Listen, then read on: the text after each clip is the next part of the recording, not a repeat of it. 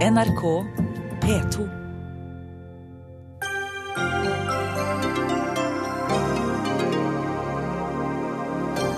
Nytt varsel om ukultur hos politiet i Bergen. Politibetjenter har hatt instruks om å la alvorlig narkotikakriminalitet ligge pga. få ressurser. Politimesteren svarer her i Dagsnytt 18. En generasjon kunstnere går tapt for Nasjonalmuseet, sier ung kunstner som mener det er for ille at museet i fjor bare kjøpte to verk av kunstnere under 40 år. Hun møter direktøren for vårt største museum. Hvor du bor har stor betydning for hvor fort livsviktig behandling gis for den verste sorten av hjerteinfarkt. Det tar lengst tid i nord, men det skyldes ikke bare store avstander. Og colombianere øyner nytt håp for fred med geriljaen. Kanskje får de det til før presidenten skal hente Nobels fredspris i Oslo.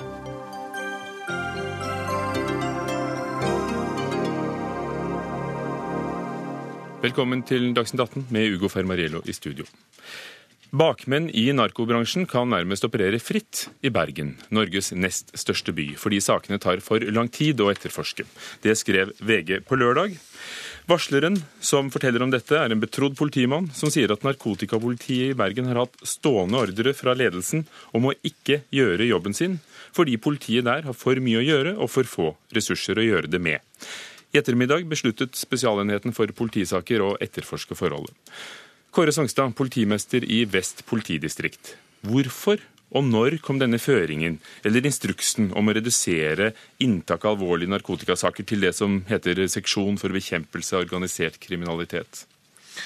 Ja, Denne føringen som vi snakker om her, eh, har vært eh, gitt på ulike tidspunkter, senest i 2015, 2015 og har, som vi har forsøkt å forklare, sin bakgrunn i de utfordringer som politidistriktet hadde med saksavvikling på denne tiden, og der vi fant grunn til å måtte gi noen signaler om at saksinntaket i en periode måtte reguleres noe ned.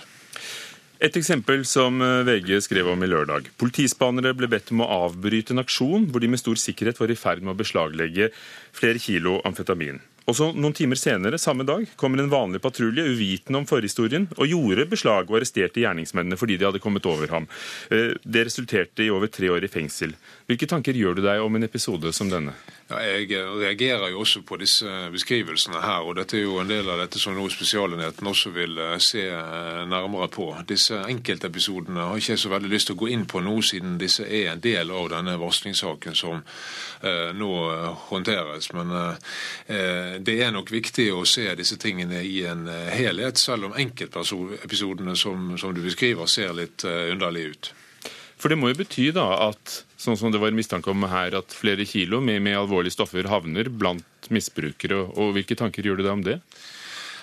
Informasjon av så store kvantum som vi kan få kontroll på, er noe som politiet skal agere på og skal gjøre noe med. Men som jeg er inne på, det er litt vanskelig for meg å kommentere på den konkrete saken. Dette må vi nok se nærmere på, men dette er et eksempel på tematikk som skal håndteres av politiet. Men dere måtte altså prioritere, sier du. Og mener du i dag, og etter at denne saken også er blitt offentlig kjent, at, at det er den riktige prioriteringen, prioriteringen du har foretatt? Ja, dette er, er, prioriteringer som har vært, prioriteringssignaler som har vært gitt på ulike tidspunkter. Jeg kom først inn i politidistriktet til nyttår. Det som er bakgrunnen for disse prioriteringssignalene, handler om at vi hadde store utfordringer med, med restanse. Vi hadde store utfordringer med å avvikle straffesakene, særlig ved den aktuelle seksjonen. Og man måtte gi noen styringssignaler, rett og slett for å få mer balanse i det vi holdt på med på disse eh, avsnittene. Du kaller det styringssignaler, og avsnittet gjelder er jo da det, seksjonen for bekjempelse av organisert kriminalitet som tar seg av disse etterforskningen av de store narkotikaforbrytelsene. Men i, i, det VG beskriver og i det varsleren skal ha skrevet denne rapporten, så blir det oppfattet som ordre. Er det, er det ordre, eller er det det du kaller signaler? Nei da, det, dette, dette, er en del av den kommunikasjonen som vi har i organisasjonen i linjen om, om, daglige prioriteringer og vurderinger av om man skal starte saker eller ei. Det er ikke slik at det er en ordre om at man skal ligge unna alvorlig kriminalitet. Alvorlig kriminalitet prioriteres selvsagt fortsatt i, i Vest politidistrikt, men dette er faktisk eh, både så eh, enkelt og så vanskelig som at det, handlet om at vi måtte få ned inngangen for å håndtere for det første restansen, og fordi vi måtte få frigjort ressurser som måtte settes inn på andre og mer prioriterte kriminalitetsområder som vi hadde en del å håndtere av akkurat på denne tiden. Bl.a. Denne, denne fokus som vi har hatt over lang tid nå på eh, eh, seksuelle overgrep mot barn. Drap, andre alvorlige voldsbrudd som setter liv og helse i fare, også seksualoverbrudd, misbruk og overgrep mot barn, og alvorlig internasjonal organisert kriminalitet. Alt dette er eh, ifølge Riksadvokaten prioriterte områder. Eh, betyr det at selv om de ikke kommenterer enkeltsaker, at når da politimenn forteller at de fikk eh, refs dagen etter for å ha grepet inn, at det er unntak? For du sier jo samtidig at når dere står overfor alvorlig kriminalitet, så skal dere gripe inn. Ja, Denne episoden med refs kan jeg ikke eh, forklare. Dette må ses på i en helhet. Her har det vært gitt styringssignaler for å få ned saksinntaket. Vi har vært i en spesiell situasjon i denne midlertidige perioden som, som vi håper nå å være egentlig uh, ute av. og Det skulle egentlig bare mangle at ikke ledelsen ved Bergen sentrum politistasjon og gamle Hordaland politidistrikt gjorde disse grepene for å få kontroll på både restanse og for å få nok ressurser avsatt til disse andre kriminalitetsområdene som faktisk vurderes som mer alvorlig enn de kriminalitetsformene som her er veldig omtalt, nemlig narkotikakriminalitet. Så hvilke områder er det dere da har fått etterforsket mer og bedre, siden dere eh, gjorde noe, eller politikammeret gjorde noe med, med prioriteringen? Vi har fokusert mye på vår avvikling av eh, porteføljen knyttet til eh, tilrettelagte avhør av barn. Vi har eh, store saker gående, overgrepssaker gående med internasjonale forgreininger. Vi har store saker knyttet til arbeidsmiljøkriminalitet, i kombinasjon med som sagt en restanse ved inngangen til denne perioden som gjorde at vi måtte gjøre noen grep. Og dette, dette er styring og ledelse, og det kommer vi til å fortsette med. Denne varslerrapporten ble eh, levert inn i april. Dere svarte 28. oktober. Hvorfor har det tatt så lang tid? Eh, denne varslingsrapporten kom i april, som du nevner. Vi eh, gjorde først en intern jobb med den. Det ble nedsatt en arbeidsgruppe som jobbet med den på våren. Eh, så fikk vi en, eh, det vi kan kalle en forsinkelse fordi vi hadde på gang opprettelse av denne såkalte varslingsgruppen hos oss. Vi valgte å avvente til det var på plass. Varslingsgruppen fikk eh, denne saken 18.8. De har levert 20.10, og saken er nå overlevert til Politidirektoratet, som forestår fortsatt behandling av den. Ola Tune, forfatter og, og, tidligere politietterforsker med erfaring som avdelingsleder i Kripos. Du har nylig skrevet en bok om politiet i Bergen som heter 'Byen vest for loven'. Hva tenkte du da du leste oppslagene i helgen? Nei, på en måte ble jeg sjokkert, eh, men mest for det, på grunn av tidspunktet etter at jeg har skrevet den boka. Men eh, det overrasker meg jo ikke i sin helhet. For det, for det, boka 'Byen vest for loven' handler om, det er jo feil og mangler og feilprioriteringer som har pågått i flere tiår, sånn som jeg har opplevd det. Så jeg får vel si at dessverre så ble jeg vel egentlig ikke overrasket at uh, dette kom. Det var vel egentlig formen og tidspunktet som var mest overraskende. Nå leser vi da om Bergen. Dette er den andre varslersaken i løpet av få år. Det, mm. Den første var jo da Monica-saken, hvor politibetjent Robin Schäfer varslet. Det har jo da ført til gjenopptakelse og ny etterforskning. Mm. Er det spesielle forhold i Bergen? Eller er det bare jeg, dem vi kjenner til? Nei, jeg, jeg opplever dette, dette, som en slags kultur og Når jeg hører Songstad nå, så opplever jeg dette som en slags bortforklaring i ressursproblematikken. Men eh, vi har hørt dette tidligere i mangfoldige år. Unnskyld. Jeg, vi har jo varslet om eh, tilsvarende problem, problemstilling i konkrete saker i mangfoldige år, men vi blir jo aldri hørt. Og det blir jo den gang bortforklart at vi tar feil, eller at man har ikke ressurser, eller det er andre ting som er årsaken til at ting går, går feil. Men når man da ser at dette pågår i flere tiår, og så opplever det som skjer nå, og hører da Songstads bortforklaring igjen, så har jeg dessverre liten tro på at dette vil endre seg i tiden fremover. Kåre Songstad, du kom dit i år som politimester i Vest politidistrikt. Er det en verre stilt ressurssituasjon i Bergen enn i andre politidistrikter? Nei, Det vil jeg ikke si. Eh, alle politidistriktene har eh, i perioder betydelige utfordringer med å avsette nok ressurs til denne type aktivitet, som er ressurskrevende. Eh, Bergen og Vest politidistrikt har eh, store ressurser tilgjengelig, men hele tiden er det en oppgave for oss å rette disse ressursene inn mot de riktige sakene. Og eh, Det er en dynamikk i en organisasjon som, som fører til diskusjon, det fører til vanskelige avveininger og krever at lederne i organisasjonen er gode på det, ikke minst hva gjelder kommunikasjon rundt, rundt hva man kommer til, og forankring av det man gjør. Og Ola Tune, Bortforklaring kaller du det, men det er jo harde realiteter. Her skal det prioriteres mellom forskjellige, forskjellige typer lovbrudd? Ja, naturligvis må politiet prioritere. Eh, det er en lederoppgave å prioritere og allokere ressursene riktig. Nå kjenner Kåre Songstad og jeg til eh, konkrete saker fra, eh, fra Hordaland. Eh, Bl.a. etterforskningen mot finansmannen Berge Gert Larsen. Der ble det brukt mellom 60 og 100 millioner kroner av skattepengene, så vidt jeg vet, og nærmere 40 årsverk på å etterforske en sak i da, Hordaland, eller Vest politidistrikt, som pågikk i elleve år, og som viste seg å være helt uberettiget. Og det dette kunne man ha funnet ut på et tidlig tidspunkt, at dette ikke var noen straffesak. Hvis man hadde hatt gode ledere som hadde kvalitetssikret og holdt eh, etterforskningen på rett spor, så kunne man altså brukt de anslagsvis 60-100 millionene og de 40 årsverkene på helt annen kriminalitet. Blant f.eks. Eh, alvorlig narkotikakriminalitet. Før du får ord igjen, Kåre Sangstad. Sigve Bolstad, du er også med oss, leder for Politiets Fellesforbund. Hva tror du saker som denne gjør med vår folks tillit til eh, politiet? Først og fremst så ønsker jeg å gi eh, stor ros til eh, varsleren og de som står frem. Jeg tror det er utrolig viktig at dette kommer ut i det offentlige rom.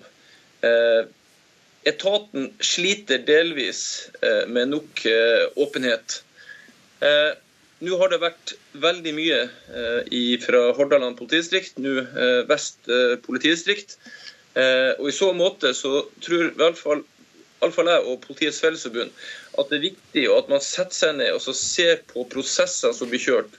Når noen kommer med meget gode hensikter i forhold til å løse samfunnsoppdraget, i dette tilfellet det som går på narkotikarelatert eh, kriminalitet, må man sette seg ned og så må man se på hvordan blir en tatt imot eh, når en kommer, slik at ikke ting får lov å eh, utvikle seg. Så er selvfølgelig vi veldig kjent med det som Songstad er inne på i forhold til eh, i forhold til ressurssituasjonen. Men da må man være enda tydeligere og få ut konsekvensene.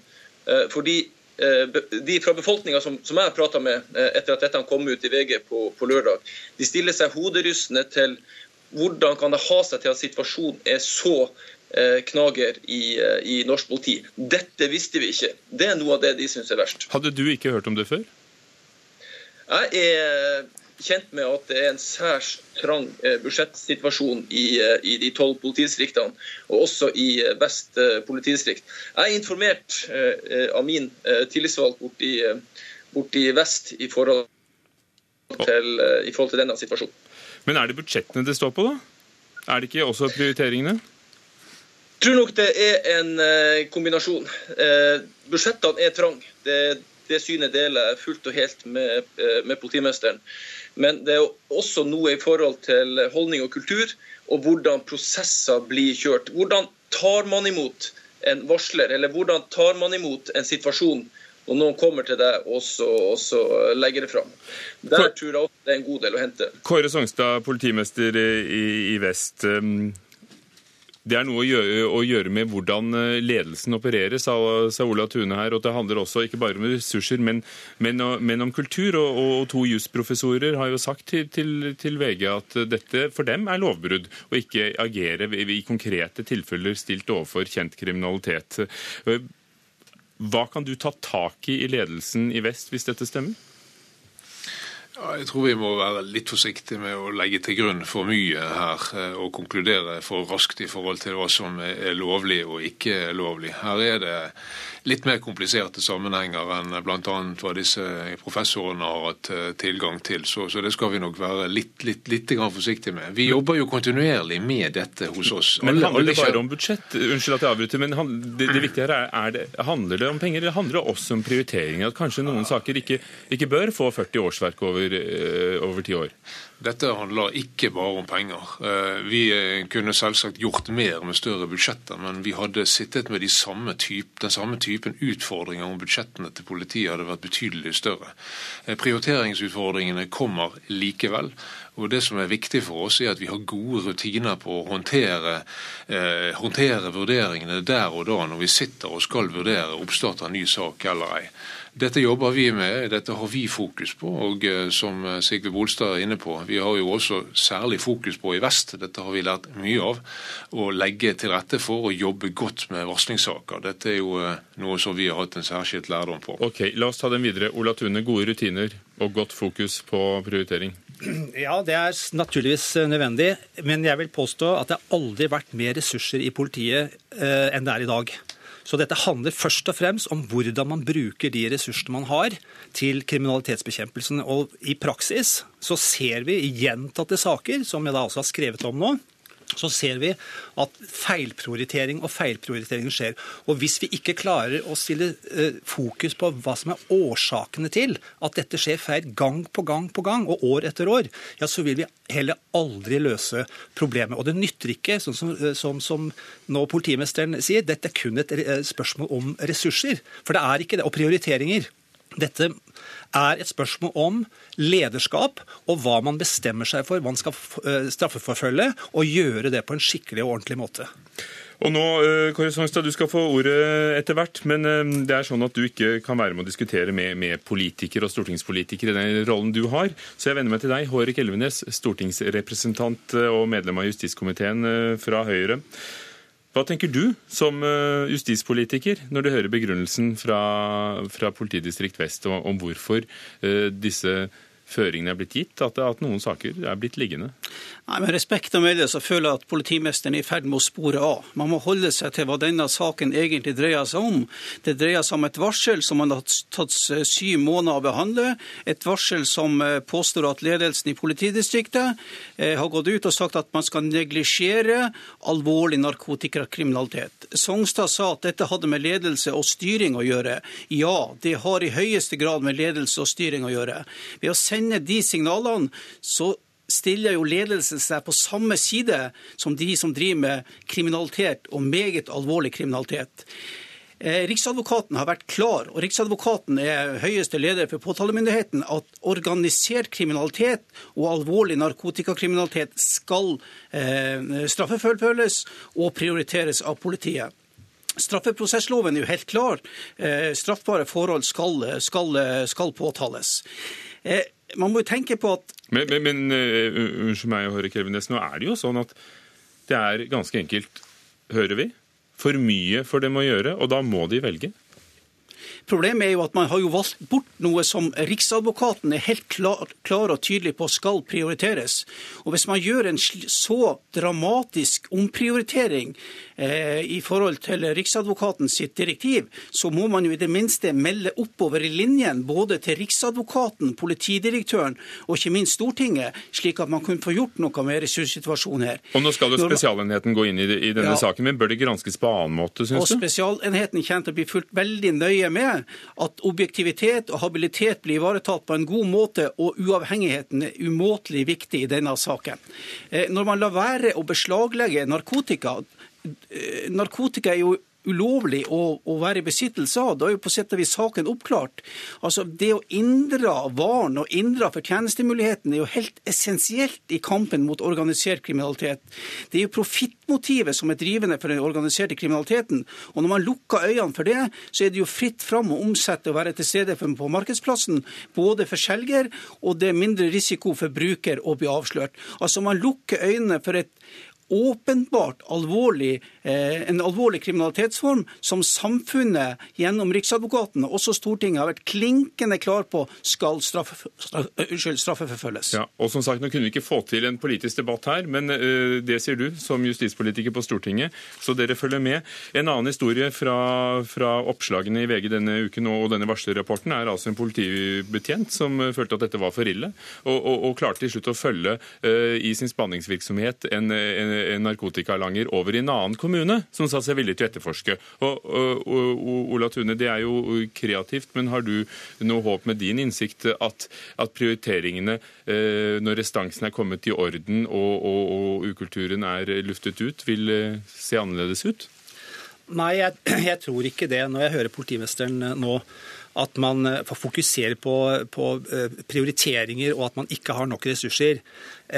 Man må gå inn i den enkelte sak sånn, og så se hva som er årsakene til at det går feil hver eneste gang. Og Hvis man klarer å analysere årsakene og ikke symptomene altså Det vi ser nå, er jo symptomer så vil man kanskje gjøre noe med det. Men da må man altså være villig til å se på hvordan politiet er ledet. Altså Det er påtalemyndigheten som leder politiets etterforskning, og ikke politifolk. Så kanskje det er på tide å se hva man kan gjøre for å endre den ledelsesstrukturen som er i norsk politi i dag. Og Det blir kanskje deres oppgave som politikere? Problemet er jo at ethvert, politi, ethvert problem i politiet forklares med mangel på ressurser. Før man ber om mer ressurser og kommer til Stortinget og ber om mer ressurser, så må man jo komme med en strategi som viser hvordan man skal løse problemet, og som har effekt på selve løsninga av problemet. Og Da er det ikke å lukke øynene for narkotikaomsetning og la være å beslaglegge narkotika som faktisk er lov å oppbevare. Og vi Saken er jo allerede allerede da oppklart. Politidirektøren til Dagsnytt 18 i dag, og det lyktes ikke. Takk skal dere ha. Hårek Elvenes fra Høyre i justiskomiteen. Ola Tune, forfatter, tidligere politietterforsker. Siste spørsmål til deg, Kåre Songstad, politimester i Vest. En ny varslersak for Bergen. Hva gjør det med dere som, eh, som politikorps? Det er, det er, krevende for oss. Vi eh, har vært sårbare i den forstand at vi eh, visste at vi eh, måtte håndtere en eventuell neste varselslag på en god måte. Det har vi forsøkt å gjøre etter beste evne. Men, men det er ikke noen tvil om at slik dette nå har utviklet seg fra helgen av, så er dette krevende for oss internt. og vi jobber nå masse for å, å, å komme oss videre i denne, i denne, saken, eh, slik at eh, vi lander dette på en god måte. Men vi skulle gjerne vært saken som sådan foruten, selv om jeg også konstaterer at varslingssaken allerede har ført til en del endringer hos oss som vi allerede har iverksatt. Takk, Kåre Songstad. Dagsnytt 18 alle hverdager kl 18.00 på NRK P2 og NRK2.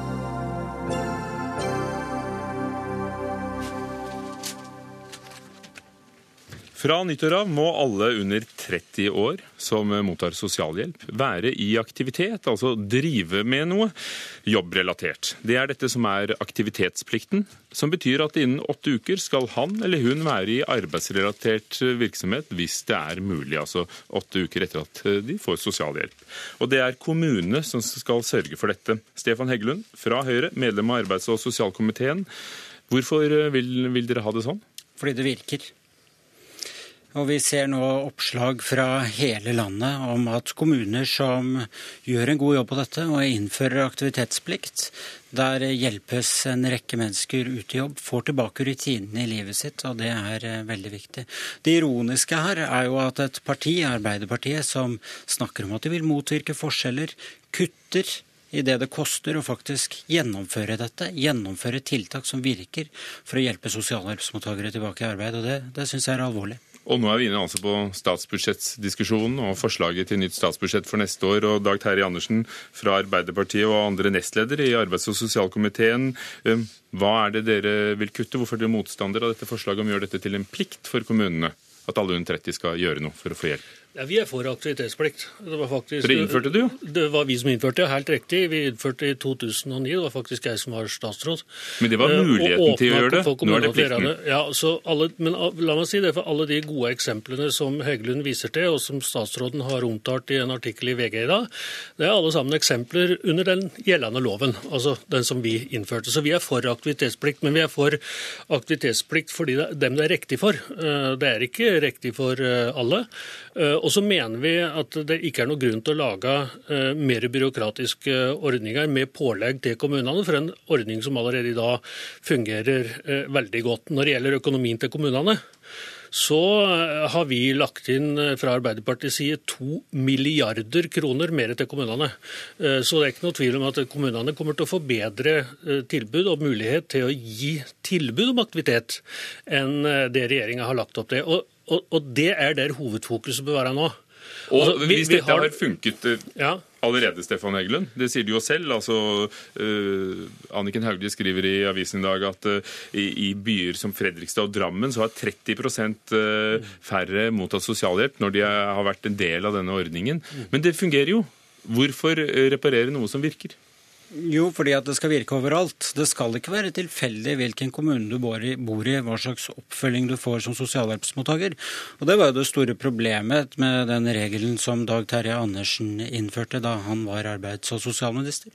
Det var at han sa at dette er ikke noe kommunene trenger å gjøre, men de kan gjøre det hvis eh, de har lyst til å gjøre det eller har ressurser til å gjøre det. Vi sier at kommunene skal gjøre det fordi det virker, og vi tilfører kommunene de ressursene som trengs for at man skal kunne gjøre det. Det er veldig veldig hyggelig at Dag Terje Andersen sier at han syns aktivitetsplikt er positivt. Han stemte mot i Stortinget at alle kommuner skulle tilby dette til sine innbyggere. Eh, det syns jeg er trist. Og så nå i sitt alternative budsjett så tar han også kutter de pengene som er nødvendige for å gjennomføre det. Er det stor forskjell på hvordan kommuner praktiserer det i dag? Det er eh, veldig mange kommuner som har aktivitetsplikt, som vi ba om når vi la fram eh, forslaget og endra loven i 2009. Eh, det er noen kommuner som løser det på annen måte, og i tillegg så har vi noe som heter kvalifiseringsprogrammet, som når noe av den samme målgruppa. Men alvorlig talt, programleder, vi er altså for aktivitetsplikt der det er riktig. For det er veldig mange som har godt av å bli stilt krav til. Altså Det er en positiv måte å behandle folk på. Så kan det være folk som kanskje én måned må ha en hjelp til å komme over kneika, da vil aktivitetsplikt være eh, feil. For det, du kan jo ikke skofte jobben. Men det skal jo kun inntre etter åtte uker, og det Ja, nettopp. Altså, nettopp. Og derfor, så, derfor så er det altså sånn at uh, når vi, altså, Det er snakk om de 60 millioner kroner, men vi foreslår også mer, vi foreslår altså to milliarder kroner mer til kommunene. For ja, men det er ikke alt mulig. Det som, ja, men bl.a. så kan kommunene bruke det til det her fordi at det som mangler i dag, er altså ikke plikt. Det som mangler i dag, er tilbud om aktivitet. Derfor så foreslår vi altså 400 millioner kroner mer til sysselsettingstiltak. 200 av dem spesielt retta mot ungdom, og 2 milliarder kroner mer til kommunene. For det er jo aktiviteten vi mangler der ute, å ha folk noe å sette i aktivitet eh, på. Og så skal det stilles krav, det er vi helt for. Og så stiller jeg krav om at Stefan Heggelund skal få snakke. og fortelle oss er det veldig stor forskjell på hvordan kommuner praktiserer det? Er det sånn at Hvis jeg dro til Fredrikstad og Drammen, som eh, statsråden tok frem som eksempel, så, så, er det veldig mye hjelp å få for å finne å gjøre, og andre steder ikke? Ja, for det er ikke alle... Men tør dere ikke overlate det til kommunene, som Andersen vil? At de, de vet hvor de skal sette inn støtet? Nei, men det er Nei, men det er som jeg sier, det skal ikke være tilfeldig hvilken kommune du bor i, hva slags oppfølging du får som sosialhjelpsmottaker. Det er det som er den reelle uenigheten her. Det er hyggelig at Dag Terje Andersen sier at han er for aktivitetsplikt, men han, er, han stemte altså ikke for at det var et tilbud som skulle gjelde alle sosialhjelpsmottakere i hele landet. Det er det vi gjennomfører. I tillegg til å stemme mot det, at alle skal ha muligheten til det tilbudet, så velger han i sitt alternative budsjett å kutte de pengene som går inn for å finansiere dette tilbudet. Men nå hører vi at det blir 200 millioner kroner i tiltak, arbeidsmarkedstiltak, jo, spesielt at, rettet mot poenget ungdom. Poenget er at dette er et ganske innfløkt og komplisert system. og Derfor så tenker Dag Terje Andersen når han kommer inn i studio hit, at han kan leke litt med tall, han kan leke litt med ord, og så kan han snakke om bevilgninger som går til andre ting, og så skal han få det til å høres ut som det går til det samme. Men det gjør det altså ikke. Dette de 60 millionene, hva er det et resultat av? Det er et resultat av den finansieringsdialogen regjeringen har hatt med KS om hvor mye det vil koste å innføre aktivitetsplikt for sosialhjelpsmottakere til alle under 30 år. Og så sier vi at det er viktig å gjøre det, fordi det virker. Og det virker overalt, og derfor så burde man også gjøre det overalt. Og det er altså, I 2014 var det 125 000 mennesker som fikk sosialhjelp. 37% av disse for to år siden var under 30 år. Er det ikke rimelig å anta at tilbudet, blir tilbudet og plikten blir garantert likt overalt. Og, og da arbeide for alle Nav-kontorene å finne en partner, om det er en sportsbutikk eller eh, en annen bedrift. Men der er du inne på hele poenget. For det er ikke bare 125, nå er det 127 000 sosialhjelpsmottakere. Og det er, jo noe det er jo noe av det som er hovedproblemet nå. Vi har mer sosialhjelpsmottakere i Norge enn vi har hatt på, på ti år.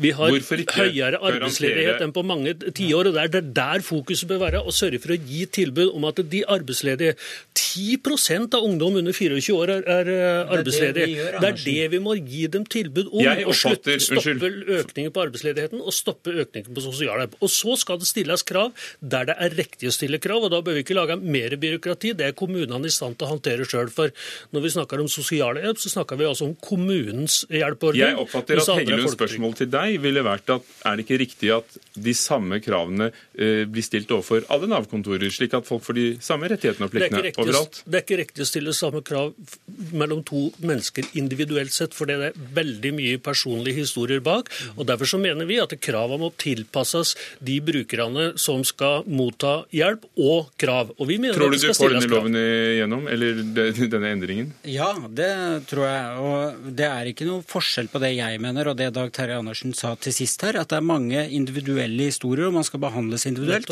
Forskjellen er bare at jeg vil at alle skal få tilbud over hele landet, og det vil Jeg ikke Dag Terje. Andersen sørge for. Jeg må behandle dere helt likt. Takk skal dere ha. Dag Terje Andersen fra Arbeiderpartiet og Stefan Heggelund fra Høyre.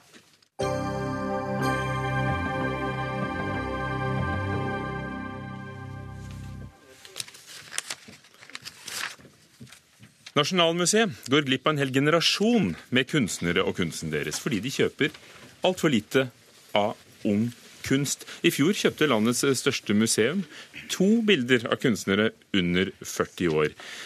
Lages det ikke mer av nasjonal verdi for ettertiden? spør kunstner Marianne Hurum i en kronikk i bladet Billedkunst. Og Marianne Hurum, du var inntil i, vår leder for Unge Kunstneres Samfunn i fire år. Hvordan opplever du Nasjonalmuseets interesse for eh, unge kunstnere, for deg? Ja, jeg opplever jo, mm, som jeg skrev, at eh, Nasjonalmuseet kjøper inn det de er nødt til å kjøpe inn, nemlig det som har vært vist på avgjort viktige steder som f.eks. Documenta eller Venezia eller Festspillene i Bergen. De store Ja, de store stedene. Og det er selvfølgelig positivt, og også helt riktig. Eh, Men det jeg etterlyser, er en eh, interesse og eh, faktisk innkjøp av ung kunst i litt større, større stil og på en bredere måte. For vår skyld eller for deres skyld? Altså publikum eller kunstnernes skyld? Nå, mitt hensyn her er jo samlingen. Jeg vil at samlingen skal bli relevant og viktig og riktig å se tilbake på. Mm. Så det er for kunsthistorien. Og selvfølgelig er jeg interessert i at kunstnerne skal bli representert i den grad de bør bli det. Og så har du et, eh, et ganske besnærende argument når det gjelder eh, den kunsten unge og, og mindre etablerte kunstnere lager. Og det er jo at det kanskje er rimeligere før dere blir oppdaget? Er det ja, sånn? selvfølgelig er det det. Altså, du får jo så mye kunst for penga når du kjøper yngre kunst. Eh, Det jeg kritiserer Nasjonalgalleriet for, nei, museet for, er jo at de venter for lenge og tetter hullene uh, istedenfor å vise veien. Eh, og det vil si eh, Dette er jo også en mye dyrere praksis. Hvis man venter til noe er eh, fattet og vedtatt eh, og er langt fremme også markedsmessig, så blir det jo mye dyrere å kjøpe. Audun Eckhoff, direktør for Nasjonalmuseet. Dere er vår største institusjon for billedkunst med et eh, oppdrag om å, å speile norsk kunstliv over hele landet. Og da kom dere altså til at det var to verk i fjor av kunstnere under 40 år som var verdt å kjøpe inn. Er det mulig? Ja, det kan jo hende at vi burde kjøpt eh, mer. Eh, Men eh, jeg vil minne om hva som er vår oppgave. da. Jeg er glad for at Marianne Hurum tar opp dette med at det er samlingen som er viktigst, for det er den faktisk. Og det er jo for oss ikke avgjørende hvilken alder kunstnerne har, men at vi, skal, vi samler og kjøper inn det viktigste som er produsert i løpende, da. Og så er det jo også sånn at vi kjøper inn retrospektet, altså vi kjøper inn eh, tidligere verk. Akkurat nå viser vi for så vidt en utstilling med den relativt unge kunstneren Toril Johannessen i Museet for samtidskunst, og der er faktisk et av de verkene som vist på utstillingen fra vår samling, og som er fra hennes avgangsutstilling. Men jeg skal jo innrømme at vi kjøpte det inn noen år etter at hun hadde vist det på denne avgangsutstillingen. Altså, Hvorfor ikke gripe fatt i det og gå rundt på små gallerier, kunstnerdrevne utstillingssteder og, og snappe det opp før en stor biennale gjør det, å være den som uh, setter agendaen? Det er jo eh, kuratorenes drøm å være det, eh, og vi går jo rundt eh, også. Eh, Men eh, det er nok eh, sånn at vi har mye annet å gjøre også. Og jeg tror nok også det er viktig for kunstnerne ikke bare å bli innkjøpt, men at vi viser interesse for dem for på utstillingene og i deres atelier. Og det prøver vi også å gjøre. Og fra tid til annen så har vi også vurderinger av aktuelle kunstnerskap. Har vi nok av den og den, både unge og eldre? Marianne Hurum, som mangeårig leder for Unge kunstneres samfunn, opplever unge kunstnere at Nasjonalmuseet viser interesse? Nei, absolutt ikke i stor nok grad. Jeg tror at Nasjonalmuseet hadde hatt eh, selv hadde hatt et ønske av å, være eh, et sted som framsto så mye mer relevant for de unge kunstnerne, eller de som er yngre. Eh, Jeg ønsker at Nasjonalmuseet er et sted hvor de unge ønsker å gå til, og man alltid er interessert i hva som skjer, og som man opplever at følger med og viser interesse for dem som faktisk driver kunstlivet fremover i produksjonsleddet. Så svaret er vel nei. Audun Eckhoff, dere har 10 millioner kroner i året å kjøpe inn for. Eh, Hvordan gjør dere det? Vi har eh, en tverrfaglig sammensatt eh, innkjøpskomité som jeg leder. Det er en av de morsomste delene av min jobb, vil jeg si. Vi har ingen kvotering på samtidskunst, eldre kunst, design og arkitektur. Det er en løpende vurdering av hva det skal brukes mest penger på. Men stort sett så er dette en virksomhet hvor, vi er, hvor det er stor grad av enighet om, om innkjøpene og prioriteringene. Så det er dere såre fornøyd med de innkjøpene og den innkjøpspolitikken? Nei, vi er aldri fornøyd. Vi vet at vi alltid kan bli bedre. Mone Gjessing, kunstkritiker i bladet Billedkunst. og den som har sett på, for, på oppdrag for tidsskriftet, eh, hvordan de norske museene eh, forvalter eh, sitt pund, og hvordan de kjøper inn. Er det stor forskjell på hvordan Nasjonalmuseet tar vare på unge kunstnere og andre? Eh, Det kan jo se ut for at de regionale museene eh, som har mindre eh, eller færre antall folk i innkjøpskomiteene og klarer å følge bedre med på sine regioner, har en lett, lett, kortere vei til, til å gjøre innkjøp. Eh, Nasjonalmuseet syns jeg har et veldig stort problem i, med i sin, innkjøpskomité. For jeg tenker at eh, dere har jo et omdømmeproblem i og med at veldig mange mennesker de siste i hvert fall seks-syv årene har snakket om en stor grad av usynlighet. Eh, Jeg er veldig enig med Ranne Hurum. Dere må bare gå utrolig mye mer ut. Du sier det er den morsomste delen av jobben. Jeg antar at det er flere som går rundt sammen. Jeg tenker at dere burde ha en 100% dekning av hva som foregår i Oslo-regionen. Dere må kunne sende ut representanter for å være totalt synlige, sånn at ingen kan si at dere ikke er usynlige. Det er ikke et nasjonalmuseum verdig i det hele tatt, og det må jo være en veldig morsom del av jobben. Og dere må også, de, de som sitter i innkjøpskomiteene, må også våge å ha en personlig eh, visjon, og de må ha et kunnskapsområde og interesseområde som gjør at de våger eh, å satse på unge kunstnerskap. For det fins en god del unge kunstnerskap under 40 år som er verdt å ta vare på, men det er klart, de vil man ikke se hvis man ikke er 100 hands on ute i feltet på private visningssteder, på kunstnerdrevne visningssteder, på UKS, som Marianne Urum har jobbet på, eh, på kunstakademiene, overalt. Det, ja, det her er blir du deres beskutt fra alle kanter, Audun Eckhoff. Ja, jeg er det. Og det er jo klart at det er mange kanaler. Eh, Vi kjøper jo ikke bare kunst der vi selv er synlige. Det er jo også auksjoner, det er eh, gallerier eh, hvor vi har forskjellige typer kontakter. Vi kjøper av private, private samlinger. Sånn at det er ganske mange eh, kilder til, til innkjøp og ervervelser. Men er dere nok ute i alle de kildene som, alle de, på alle de stedene Mone Essing nevnte? Akademiene, de små utstillingene de... Åpne besøk, fantastisk. Åpenbart ikke. Men Nei. det er nok et eh, Du sier du at det er en umulig oppgave, egentlig? Det er nok en umulig oppgave å tilfredsstille de forventningene som rettes til oss. Det tror jeg nok. Men samtidig så tenker jeg at vi kan alltids bli bedre, og vi kan alltids uh, uh, være mottagelige for uh, tips og råd, også fra andre, både fra Marianne og fra Mona og, og fra andre tilsvarende skal vi si, opinionsdannere i kunstlivet. For hvor stort budsjett har dere i året? Vi har ca. 10 millioner i snitt per år. Og hele museet? Hele museet. Men hvor stort budsjett er det på hele museet? Det er rundt 300 millioner, ikke sant? Ja, litt i underkant av det. Prioriterer dere feil? Skulle dere brukt mer på innkjøp og, og, og pleie samlingen, det som er en slags nasjonalskatt, og, og kanskje mindre på, på andre ting?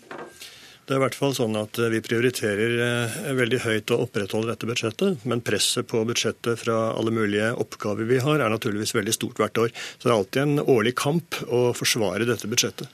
Men jeg kan jo glede eh, meddebattantene med at i år, som vi måtte sette et nokså lavt innkjøpsbudsjett, har vi endt opp med et rekordstort budsjett på 12 millioner. Fordi vi hadde noen penger som eh, vi fant ut at vi kunne bruke og omdisponere midler. Så det er noe vi gjør hvert år. Prøver, prøver å presse mest mulig ut av sitronen for å få penger til innkjøp. Og så er det jo det, Marianne at Samtidskunst er jo ikke nødvendigvis kunst laget av unge kunstnere.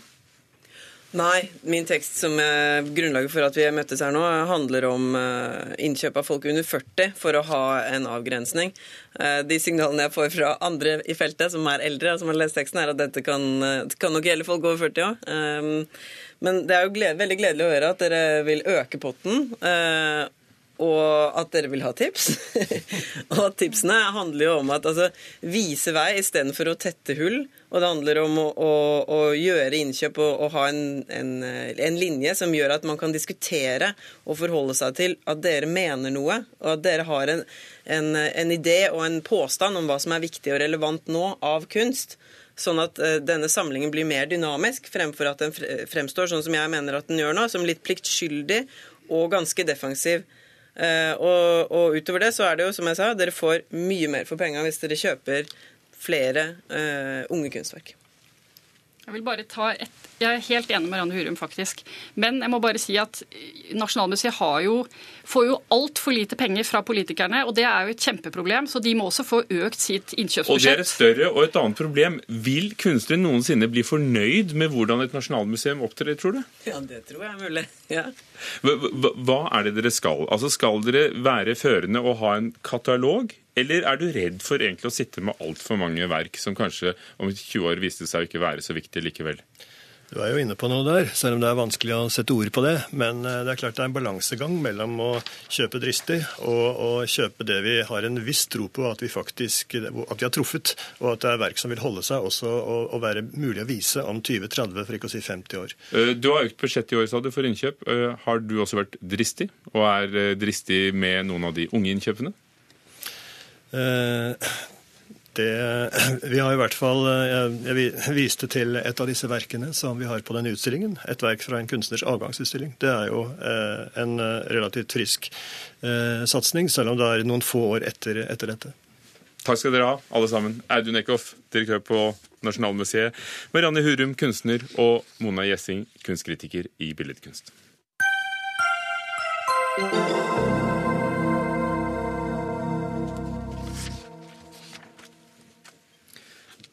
Hvis du får et hjerteinfarkt, er det livsviktig med rask behandling. Men hvor rask behandling du får etter den alvorligste typen av hjerteinfarkt, det kommer an på hvor i landet du bor.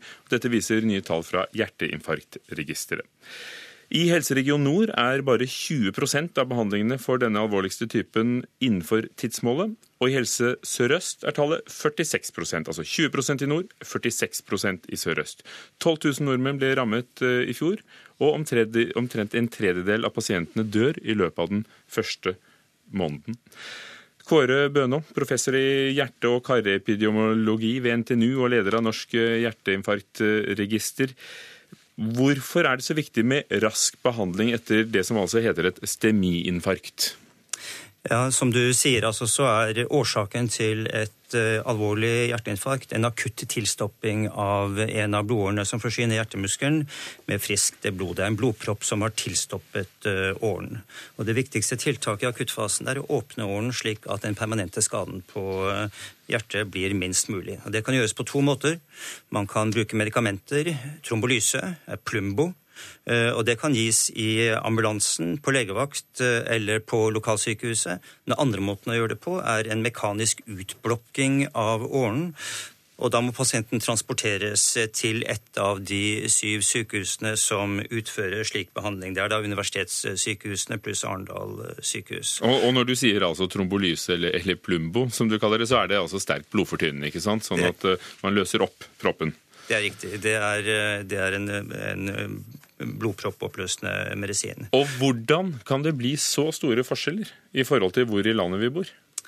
Ja, La meg først si det at uh, europeiske retningslinjer, som også, som også, det norske fagmiljøet har eh, slutta seg til, uh, anbefaler at behandling med medisiner gis innen 30 minutter etter at diagnosen er stilt, mens utblokking gis innen 90 minutter. Nei, altså, Hva årsaken er? Jeg tror at den viktigste årsaken er at man er for tilbakeholden med å gi medikamenter i ambulansene. At man istedenfor transporterer pasienten til sykehuset, og det tar ofte mye lengre tid enn man hadde planlagt. Mm. Jan Norum, medisinsk rådgiver i Helse Nord. Hvorfor kommer din region dårligst ut, tror du? Ja, først har jeg lyst til å si at jeg er glad for at Helse Nord har like god overlevelse ved hjerteinfarkt som de andre regionene. Og det er rett at denne av åtte kvalitetsparametere så kommer Helse Nord dårligst ut på denne. Og jeg tror det er tre grunner til det. Det ene er avstanden i Nord-Norge. Nord-Norge utgjør 45% av vårt landareal, og vi har 9,4% av befolkningen. Det gjør at det er betydelige avstander. Det andre er at vi pga. avstanden i større grad må velge det alternativet som har det korteste tidsvinduet. Altså det å gi blod, blodproppoppløsende behandling hvor vi har 30 minutter, og i en mindre andel av befolkningen kan vi satse direkte på denne utblokkingen hvor tidsrammen er 90 minutter. Og så har vi nok, som bønder sier her, at vi kan bli enda bedre, iallfall i noen deler av landet vårt, landsdelen vår, på å gi rask behandling i hjemmet eller i ambulansene.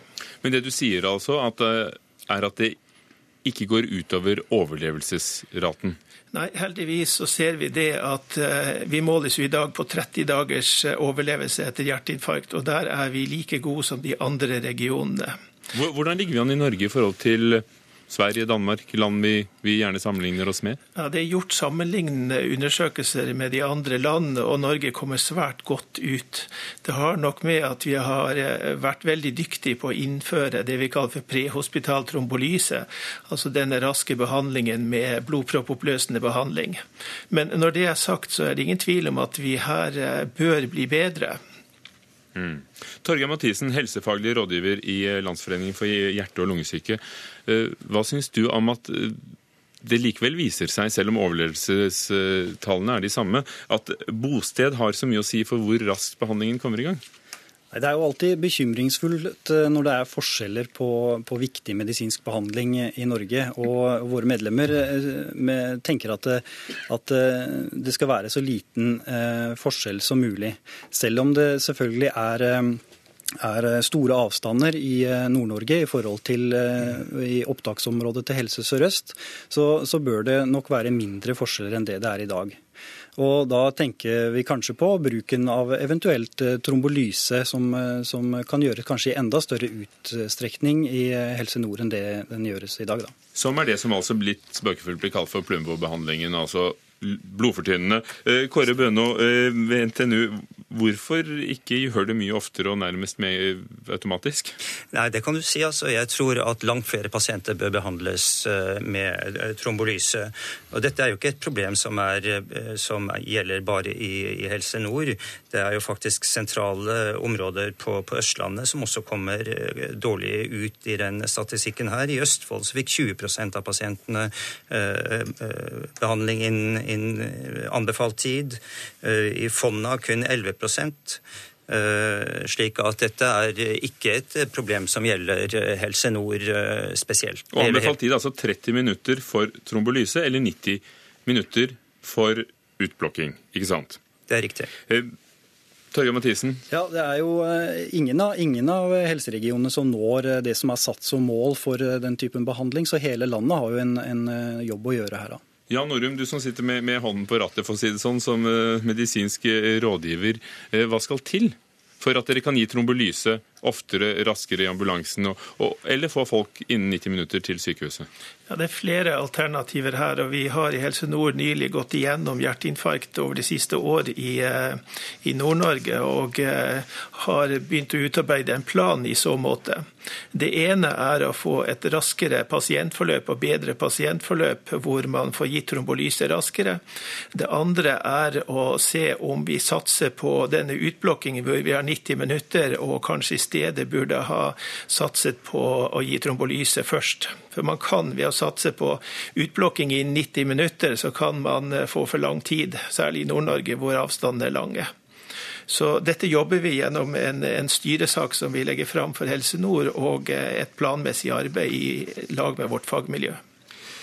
Kåre Bønå, igjen, det, Betyr det at det er større sjanse for å, å, å, dø av et hjerteinfarkt ett sted i landet enn et annet? Eller ikke? For vi hører jo fra nord at overlevelsesraten etter en måte er den samme der. Så det er jo litt forvirrende. Uh, ja, det, det, er, det, er, riktig. Nei, vi har ikke noe data på at, at denne variasjonen i, eh, i behandling ved akutt hjerteinfarkt, og det påvirker dødelighet. Det er jo andre forhold, viktige forhold også som, som påvirker dødelighet eller hjerteinfarkt. Men en kommentar til det som skjer i, i, i, Helse Nord, det er det at når vi ser på disse tallene over andel pasienter som får behandling innen eh, anbefalt tid, så er det jo faktisk eh, Nordland helseforetak, altså Bodø, som kommer best ut. Der fikk 39% av pasientene behandling innen anbefalt tid, mens det helseforetaket i Helse Nord som kommer dårligst ut, det er jo UNN, altså Tromsø, universitetssykehuset. Eh, og det tyder på at man i Nordland og i Bodø har vært mye flinkere til å eh, organisere prehospital eh, trombolyse. Den beste behandlinga er nok å gi prehospital trombolyse raskt, og så transportere pasienten direkte til et sted hvor man eventuelt kan fortsette behandlinga med utblokking hvis medikamentet ikke har virka. Jan Norum, hva er din kommentar? Det virker som om det, det, er, det er så avhengig av akkurat hvilket sykehus og hvilken region du er i, for hvilke retningslinjer som blir førende? Nå har vi de beste resultatene ved det sykehuset som blir nevnt av Bøna her, altså Universitetssykehuset Nord-Norge i Tromsø. Men det vi må se på her, det er grensegangen mellom om man velger trombolyse eller om man velger å fly pasienten direkte inn til utblokking, og eh, om vi her kan tape tid. Det vil vi gå gjennom i forbindelse med det arbeidet som er nevnt. Torgeir Mathisen, på tampen, siden dette rammer 12 000 årlig, denne alvorlige typen av astemi-hjerteinfarkt. Hva kan folk selv gjøre? Nei, Folk selv må jo lære seg symptomene på hjerteinfarkt og ta raskt kontakt med 113. Og Det har kanskje gått litt i glemmeboka nå som vi har fått veldig god behandling for eh, akutt hjerteinfarkt. Men eh, alle må, må huske på, på symptomene som kommer, og varsle helsepersonell raskt. Og de er? De er, eh, det mest klassiske er jo brystsmerter eh, og utstråling til kjevearm, men det kan også være andre symptomer som kvalme, magesmerter, ryggsmerter og, og sånne ting. Og vi vil, nei, Du kan dessverre ikke få si noe mer nå, men vi, vi vil vel anbefale en litt grundigere innføring for de fleste. Takk skal dere ha, alle sammen. Torgeir Mathisen fra LHL, Jan Norum, medisinsk rådgiver i Helse Nord, og Kåre Bøno, professor ved NTNU og leder av Norsk hjerteinfarktregister. Hør Dagsnytt 18 når du vil. Radio NRK Radio.nrk.no.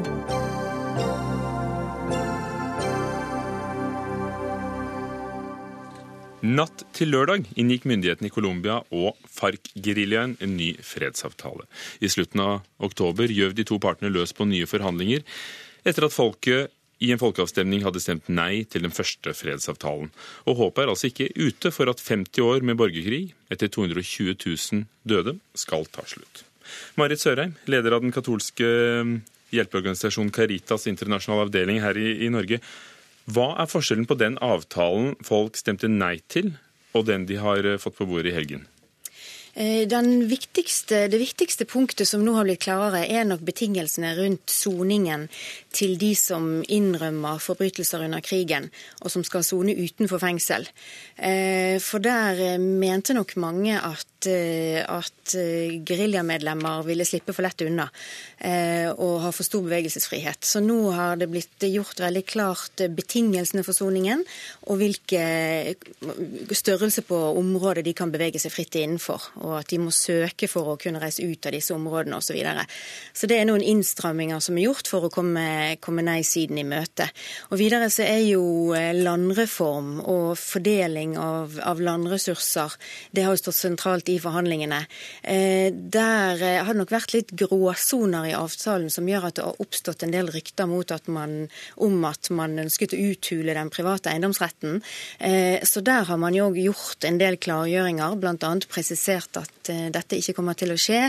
at uh, omfordeling av jord kommer til å foregå etter gjeldende lov osv. Og, så og det har òg blitt satt ned en ekspertgruppe som skal gjennomgå lovgivningen, sånn at dette blir veldig klart. Den forrige avtalen ble undertegnet i, i, Havanna, men det hele begynte jo altså på Hurdalssjøen hotell i, i, Norge takket være eh, Norges påvirkning. Eh, og Liv Tørres, direktør i Nobels fredssenter, dere forbereder en utstilling fordi eh, presidenten mm. eh, Juan Manuel Santos får jo fredsprisen, han skal hente den i, i desember. Hva betyr det for, for, eh, for ham at, eh, hvis han får det til?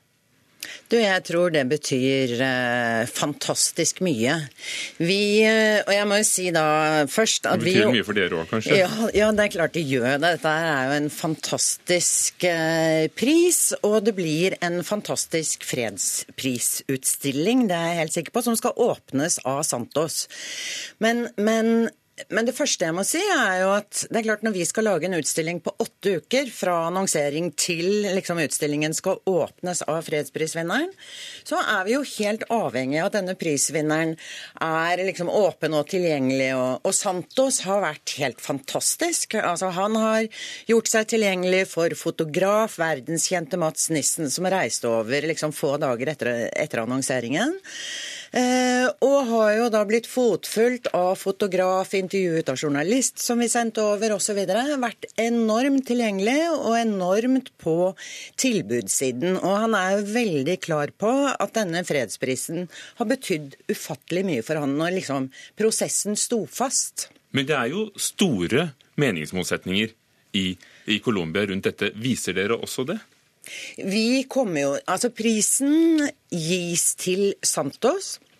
Men Kasi Gullmann Five-komiteen er veldig klare på at de mener dette også symbolsk er en pris til ofrene og til folket. Og det er klart det vil man finne igjen illustrert i den utstillingen som skal åpnes 11.12.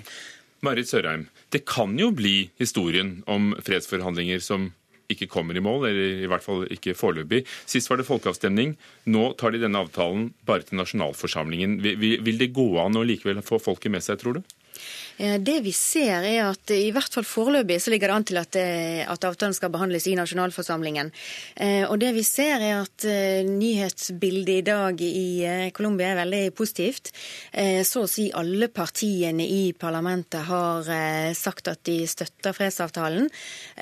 Og derfor så er det stor optimisme i forhold til at man denne gangen skal klare å komme i land.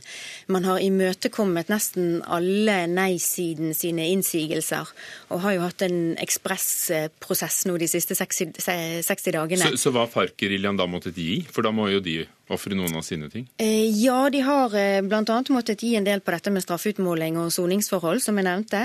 Eh, og i tillegg så må de oppgi all sin eiendom, alle sine verdier, sånn at det skal gå inn i et fond som skal gå til kompensasjon for ofrene for krigsforbrytelser. De har òg måttet gå med på å forlenge implementeringstiden, gjennomføringstiden for fredsavtalen fra 10 til 15 år. Dette fordi man, eh, man, var bekymret for de økonomiske konsekvensene for en såpass kort eh, gjennomføringsperiode. Og I tillegg så vil de få eh, litt mindre støtte til å opprette politisk parti enn det som var planlagt. For de skal da gå fra å være en gerilja til å bli et legitimt parti som kan velges. Ja. Hva betyr det for folket, tror du, Liv Tørres? Hvis de får det til? Og det, det, betyr ufattelig mye. Altså, Santos er jo veldig klar på at folket i Colombia på en måte nesten har, har glemt hvordan det er å leve med fred. Eh, og har glemt på en måte medfølelsen, sier han i et av disse intervjuene til, til våre folk.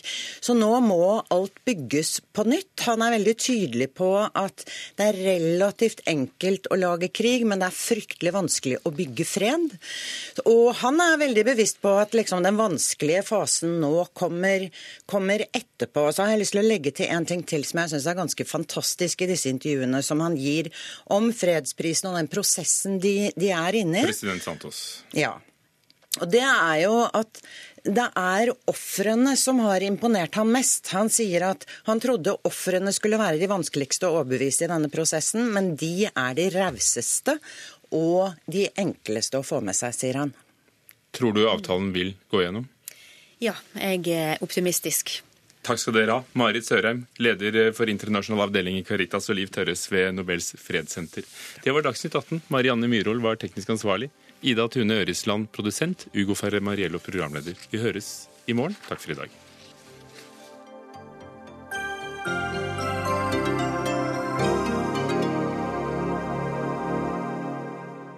Hør flere podkaster på nrk.no podkast.